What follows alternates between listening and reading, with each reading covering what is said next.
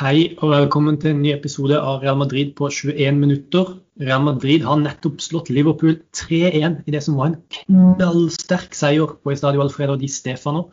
Og Real Madrid har skaffa seg et veldig veldig godt utgangspunkt for returoppgjøret eh, neste uke.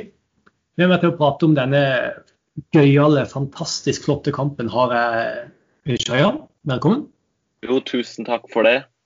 Hvor gøy var ikke dette? Du sa det til meg før, det, er lenge siden du har vært så følelsesmessig engasjert i en kamp. og Hvordan føltes dette her?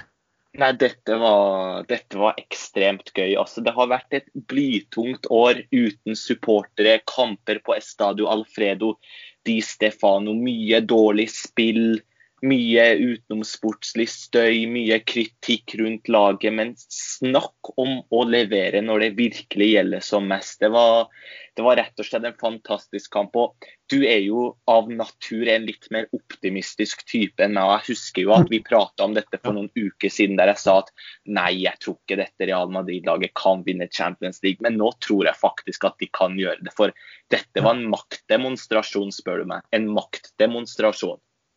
Virkelig. Og altså, jeg kan ikke få uttrykket nok, nok, hvor imponerende dette her er. Når Real Madrid stiller Altså har tre av fire i angrepsrekka som hadde starta, er ute. Real Madrid har ikke Dani Carvahal, som hadde starta klink. De har ikke Rafael Varan, og de har heller ikke Sergio Ramos. Og de fullstendig utklasser et Liverpool-lag som vant Premier League i fjor med altså 100 poeng, eller hva det var. ikke sant? Det er så mye som de dominerte i Premier League i fjor. Og Real Madrid har stålkontroll.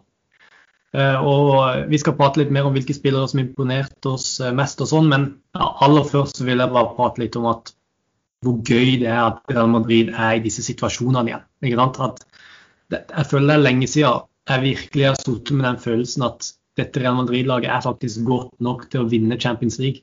Og med den prestasjonen de har i dag, så føler jeg virkelig at de kan det. Eh, ja, så får vi se. Var, ja. Ja, dette var helt fantastisk. Nå, nå, er det virkelig game on i både Champions League og, og, La Liga. Nå har de faktisk en mulighet til å stikke av med to trofeer i en sesong der de har blitt avskrevet gang på gang på gang. Ja, og så må vi jo si at dette her er jo på ingen måte avgjort. Real Madrid har et veldig veldig bra utgangspunkt, men Liverpool fikk med seg et viktig bortemål. Uh, og de, de, går videre bare med 2-0 på Anfield i neste uke, så det er på ingen måte avgjort. Men at Real Madrid er stor stor favoritt til å gå videre nå, det, det er det jo ingen tvil om. Uh, ikke, bare, ja, ikke, bare, på tanke med resultatet, men også, også med tanke på prestasjonen. Da. Hvor mye bedre de var enn Liverpool. Um, vi skal eh, prate litt om uh, skåringene. Uh, det kom jo jeg, jeg, følte de første 20 minuttene i denne her kampen gikk så utrolig seint. Jeg har vært så nervøs, og jeg kjente at uh, jeg fulgte med på hver eneste pasning og sørga for at den var presis. Og jeg var så nervøs de første minuttene. Etter 20 minutter så følte jeg at jeg hadde sett en hel fotballkamp. Men Real Madrid får altså den første skåringa, og det er et kunststykke av, en skåring. Uh, Tony Cross um, trekker fram sine Tom Brady-egenskaper og spiller uh, ja, hva er det, en 50-60 meters pasning bakom til Venicius Junior. Og Venicius har et um, mottak med brystet fra øverste hylle og setter ballen iskaldt i mål forbi en av verdens beste keepere. og Det er altså en spiller vi har kritisert for å ødelegge for Real Madrid i avgjørende øyeblikk, men i dag helt, helt avgjørende. Først litt om den pasninga til Kroos. Jeg så du var ute på Twitter og skrev litt om den pasninga. Hva, hva, skal man si? Ja, det, det, er ikke mye å si om det. Tony Cross er en av veldig få spillere på denne jordkloden som er i stand til å slå sånne pasninger. Og på utrolig vis så føler jeg egentlig at Tony Cross er ganske undervurdert, til tross for at han har vunnet så mange titler, vært så markant for dette Real Madrid-laget. og at han gang på gang leverer solide og gode prestasjoner. Og den pasningen der, det er, jo, det er jo rett og slett fra den øverste, øverste hylle. Det er jo en quarterback-pasning, rett og slett. Mm. Ja, helt vanvittig. Og så presist, og så ikke minst da Venicius, som eh, er så iskald alene med keeper. og det var rett og slett det var nesten så jeg ble litt overraska over at han satt den ballen i mål. Hadde jeg skulle satt penger på om han hadde skåret der eller bomma der, så hadde jeg nesten hadde satt penger på at han hadde bomma. Mm. Så uh, rett og slett en fantastisk prestasjon av Venicius. Jeg tror vi kommer tilbake til Venicius. Jeg tror vi hopper ja. over han foreløpig, og så prater vi om han litt senere. Yes.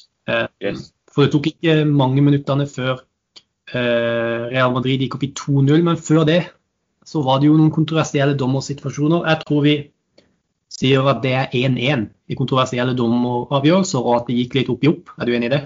Ja, det er jeg helt enig i. Jeg synes, eh, altså jeg registrerer at det er litt uenighet, men jeg syns at eh, Karim Benzema burde hatt et straffespark, samtidig som at Mané ble jo helt klart felt av Lucas mm. Vasques. Litt merkelig at eh, Brysj ikke fikk med seg det. Ja, så Da tenker vi at det går opp i opp, og så bruker vi ikke for mye tid på det. Eh, men eh, Real Madrid fikk en mulighet eh, ikke så mange minutter etterpå. Nok en gang Tony Craw, som var litt sånn arkitekten bak det, prøvde seg på en pasning i bakrom til Fellan Mendy denne gangen. Og så kommer altså Liverpools unge høyreback Trent Alexander Arnold, som har, blitt, som har vært virkelig god for Liverpool de siste sesongene, men som denne sesongen har fått mye kritikk. og virkelig, altså Han er i hardt vær for tida, det er det ingen tvil om. Og han serverer jo en eh, pasning til Marco Ascencio som chipper ballen over Alison Becker og setter ballen iskaldt i mål. Eh, hva, hva, hva tenker du om den, den skåringa? Det Altså, er, er det kun uh, Trent sin feil at Real Madrid skårer der, eller det må jo være noe fortjeneste til, til både Ascencio som tar det løpet og er så iskald med Alison, og ikke minst Kroos som har den pasninga i forkant der? Ja, altså Først og fremst så det er jo Real Madrid som skal ha skryt for at de konstant prøvde å utnytte bakrommet i kveld. Det var jo en helt perfekt mm. kampplan av Zidane. fordi vi vet at Trent ikke er den beste backen bakover i banen. Og vi vet at eh, Phillips i forsvaret der ikke har all verdens med tempo. Kabak syns jeg eh, litt raskere og ha litt mer tempo i beina. Men likevel så prøvde de konstant å utnytte det bakrommet, og det fikk de jo da resultater for, men det baklengsmålet den må nok eh, Trent ta mye av skylda for. En helt horribel heading bakover i banen. Men eh, en annen spiller som faktisk fortjener skryt, det er jo Marco Ascencio. Han var på riktig plass til rett tid. Chippa han på nydelig vis over Alison og trilla ballen inn i det åpne mål. Ascencio har hvis ikke jeg tar helt feil og ikke hørte helt feil, så tror jeg Veland i pausen sa at det er første gang Ascenso har skåret mål kamper på rad. Og Asensio er jo også en annen spiller som har fått veldig mye kritikk av både oss og andre fotballinteresserte denne sesongen. Og i dag syns jeg han gjør en god kamp ellers også. Han, det, altså, Asensio er en veldig fin spiller å ha i sånne kamper. For at han har en del fine detaljer. Han er god til å holde ball i laget, er veldig rolig i pressa situasjoner og tar ofte gode skårer mål også, så det er jo ingenting som er bedre enn det. Nei, definitivt. Eh, vi har vært veldig strenge med Vinicius, eh, nei, med, med sorry, med Asensio. Vinicius også for den saks skyld, men definitivt vært strenge med Asensio denne sesongen. Og jeg synes at uh, i dag så viser han at det fortsatt, i dag og egentlig også i forrige kamp mot Eibar, så syns jeg virkelig at han viser at det, det er en god fotballspiller inni han. og Vi får bare håpe at han klarer å vise det mer og mer fram nå mot slutten av sesongen. Og så uh, går jo lagene til pause der. Madrid har en eh, god 2-0-ledelse. Liverpool har ikke en avslutning i løpet av hele første omgangen. Men de gjør jo et bytte da, eh, like før pause, som i mine øyne endrer kampen ganske mye. med at Tiago Alcantara, mye linka til Real Madrid for et par sesonger siden, ble bytta inn til fordel for Nabi Keita. og da syns jeg virkelig at du kunne se at Liverpool ble langt bedre. De hevde seg veldig i andre omgang. Eh, og de fikk også en, en tidlig skåring i andre omgang ved Mohammed Salah. Hva syns du om det? Det er Lukas Vaske som opphever offside der, men hvor mye skyld kan man legge på han? Det er en, altså, det er en ball som det nesten er litt utrolig at han går i mål. For han er jo innom eh, ekstremt mange Real Madrid-spillere før han lander i beina til Salah. Og så er han innom både Courtois og Tverra før han går i mål. Så Eh, hva tenker du om det? Er det Vaske sin feil, eller er vi litt strenge? da? Ja, altså Da den skåringa til Salah kom, så satt jeg egentlig hele tida og venta på at her kommer det en VAR-avgjørelse om om at det er offside. Og i sånne situasjoner, som jo faktisk skjer ganske ofte i de ulike europeiske ligaene, så føler jeg at det egentlig er litt eh, hipp som happ om man er onside eller offside. og jeg syns det er vanskelig å skulle skylde så mye på Lukas Vaske, selv om det er ja. han som helt klart opphever offside-linja der. Men jeg, altså det skjedde mye der, og det var så uventa at Sala plutselig skulle få ballen. Jeg har ikke sett situasjonen om igjen, men det er i hvert fall sånn jeg tolker det akkurat nå. Så jeg vil være litt forsiktig med mm. å legge skylda på Lukas Vaskes der. Men som sagt, jeg har bare sett situasjonen én gang. Ja, ja, så Det er jo ikke det er vanskelig å snakke om flaks i sånne situasjoner. for Det er jo ikke tilfeldig, jo ikke tilfeldig at Salah sto der eller at ballen gikk i mål, men det var mange ting som foregikk. Og det var mange bein og, og jernstenger den var innom før han gikk i mål. Så litt vanskelig å legge skyld på noen der, da. Vi kan si, gi litt fortjeneste til både Salah, som står riktig, og Diogo Jota, som gjør en god jobb i forkant. Men her vil jeg bare si det som, jeg, det som jeg sitter mest igjen med fra denne kampen her. Og det er måten Real Madrid responderer på etter de får en skåring imot. Uh, jeg så tendenser til at Real Madrid nesten kunne kollapse litt der. Og jeg så for meg at Liverpool fort kunne, gjøre, fort kunne lage 2-2 veldig fort. Mm. Men må den midtbanen spesielt ha kontroll, senker tempoet i kampen Tony Cross, uh, helt fantastisk med sine pasninger i dag, men også vanvittig god til å diktere tempo. Eh, det samme gjelder eh, Luka Modric eh, og Casemiro som den ballvinneren han er. Helt enormt viktig i at Real Madrid klarte å ta tilbake initiativet i kampen. Og etter det så syns jeg Real Madrid igjen er det soleklart beste lag i denne kampen. Liverpool hadde fem minutter etter pause, og de fikk en skåring ut av det, som selvfølgelig er frustrerende, for dette er viktig, et viktig bortemål. Men den styrken Real Madrid viser med å komme tilbake, ta kontroll på den kampen og vise at nei, det er vi som er Real Madrid. Det er vi som er Champions League-laget. Vi er Champions League-klubben. Dette er vår turnering. Det er enormt sterkt. Eh, og så får de jo skåring da, eh, med Venicius etter eh, høyt press. De får et innkast og, og strålende forarbeid av Modric, og nok en fantastisk avslutning av Venicius. Og da syns jeg egentlig at eh, Liverpool hadde lite å komme med etter det. Er du enig med meg? Altså, hvor gode var Real Madrid etter til å omstille seg da, etter at de fikk den skåringa imot?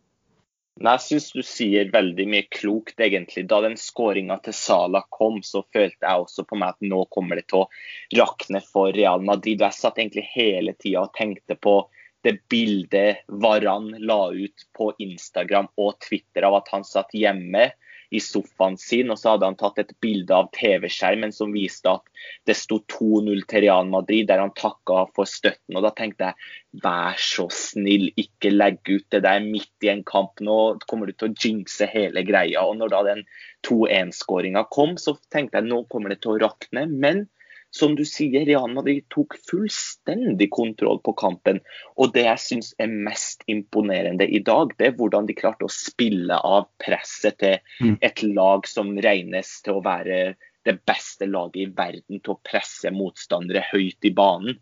Og det er jo mye pga. at Real Madrid har spillere som Tony Kroos og Luka Modric som klarer å spille av det presset og holde ball i laget. Og så skal, synes jeg, så vil jeg gi stor, stor skryt til både Ferland Mendy, til Nacho, til Militao, mm. til Lucas Vasques. De hadde virkelig full kontroll bakover ja. i banen. og det var jo, Vi må jo bare nevne det at Varan han testa positivt for korona tidligere i dag. og Da var det mange som tenkte at inkludert meg at nå er Liverpool-favoritter. Real Madrid må klare seg uten Carvahall, Varan og Ramos i forsvaret. Militao han har vært shaky de gangene han har spilt, men han var virkelig tryggheten selv i dag. Hadde et par dårlige pasninger, men ellers gjorde han en veldig god figur. Og Mendy hoppa jo i, i midten av andre omgangen inn i en helt avgjørende blokkering jeg eh, husker ikke hva for noen minutt det var, men hvis ikke han hadde vært der, så hadde Liverpool utligna til 2-2. Så jeg syns generelt at det var en veldig godt gjennomført kamp av Real Madrid både bakover og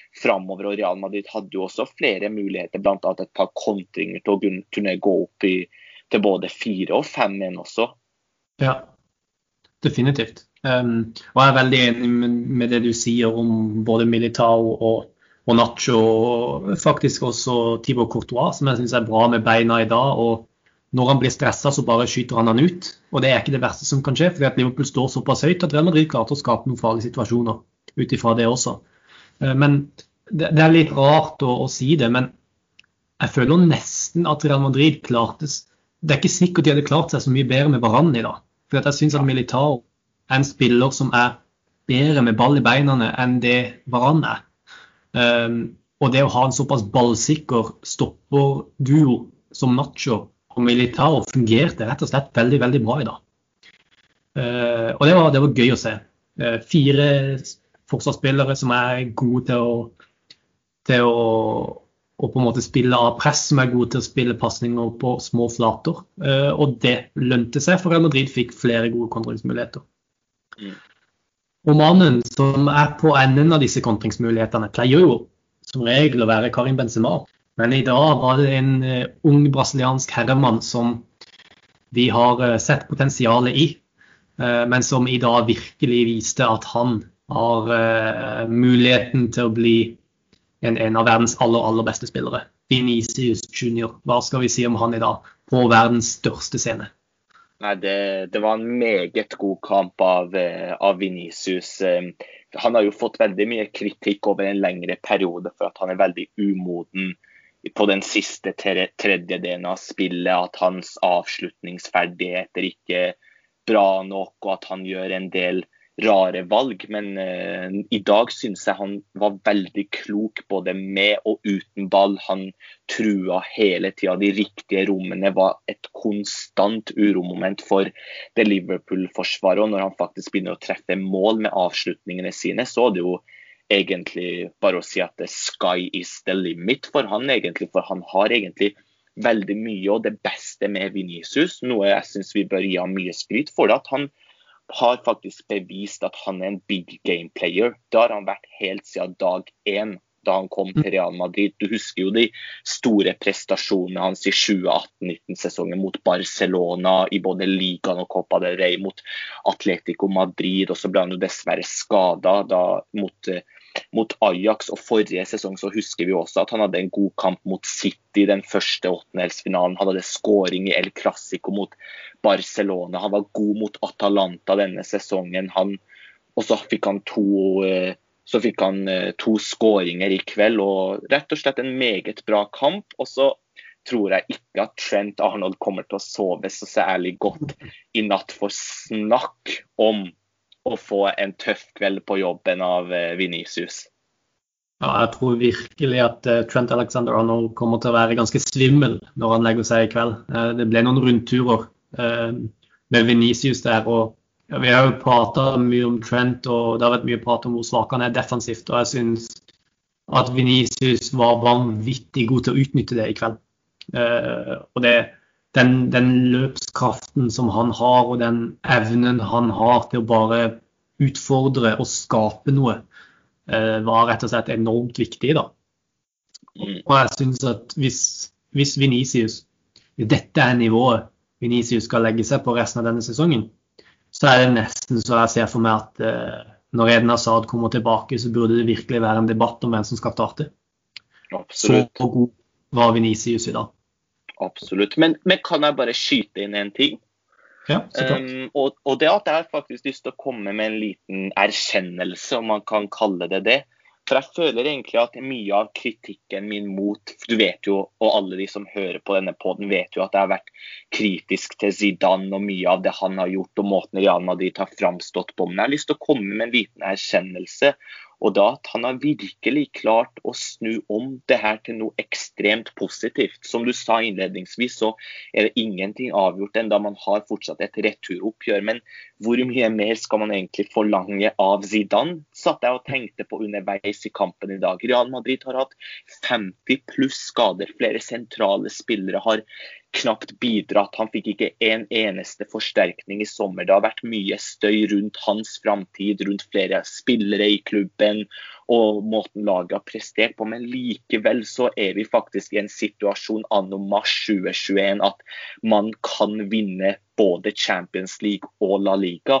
Og akkurat det har jeg lyst til å gi han enormt med honnør for. Og du ser jo fortsatt at han har stor støtte i garderoben. For hvis ikke så hadde dette laget vært død og begravd for flere måneder siden. Så akkurat det syns jeg rett og slett er ekstremt imponerende. At de rett og slett hele tida reiser seg når det virkelig gjelder under Zidane. Akkurat det har jeg lyst til å ta med hatten for. Ja, definitivt. Zidane er en altså Alle Real Madrid-trenere kommer til å være offer for kritikk når det går dårlig, og Zidane er intet unntak. Men han har vist den coaching-evnen han har, og jeg vil faktisk også si taktisk tilpasningsdyktighet. Med å legge over til et nytt system som han aldri har prøvd før. Uh, Iallfall ikke til den grad å, å begynne å bruke det i, i La Liga-kamper. I dag så går han tilbake til det han visste kom til å funke. Uh, han ville nok, Det var nok mest fordi han ville ha Venicius inn på kant til å gjøre det han gjorde i dag. Uh, men jeg syns virkelig at Zidane har vist seg fra sin aller, aller beste side denne siste delen av sesongen. her. Definitivt.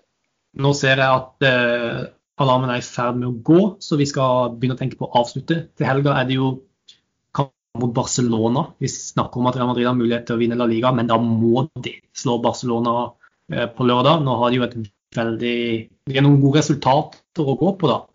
Um, og så får vi se hvordan det går der. Uh, vi prates igjen da. Uh, og så gleder vi oss til, til El Clásico, og så blir det vanvittig spennende å se om, Leopold, nei, om Real Madrid klarer å, å, sikre seg avansement til semifinale da, uh, neste onsdag. Takk for at du var med i dag, Sjøyan. Takk for en god prat. Bare gøy, ekstra gøy på sånne kvelder. Ja, det er det virkelig. og til dere som lytter på, til neste gang, à la Madrid. À la Madrid.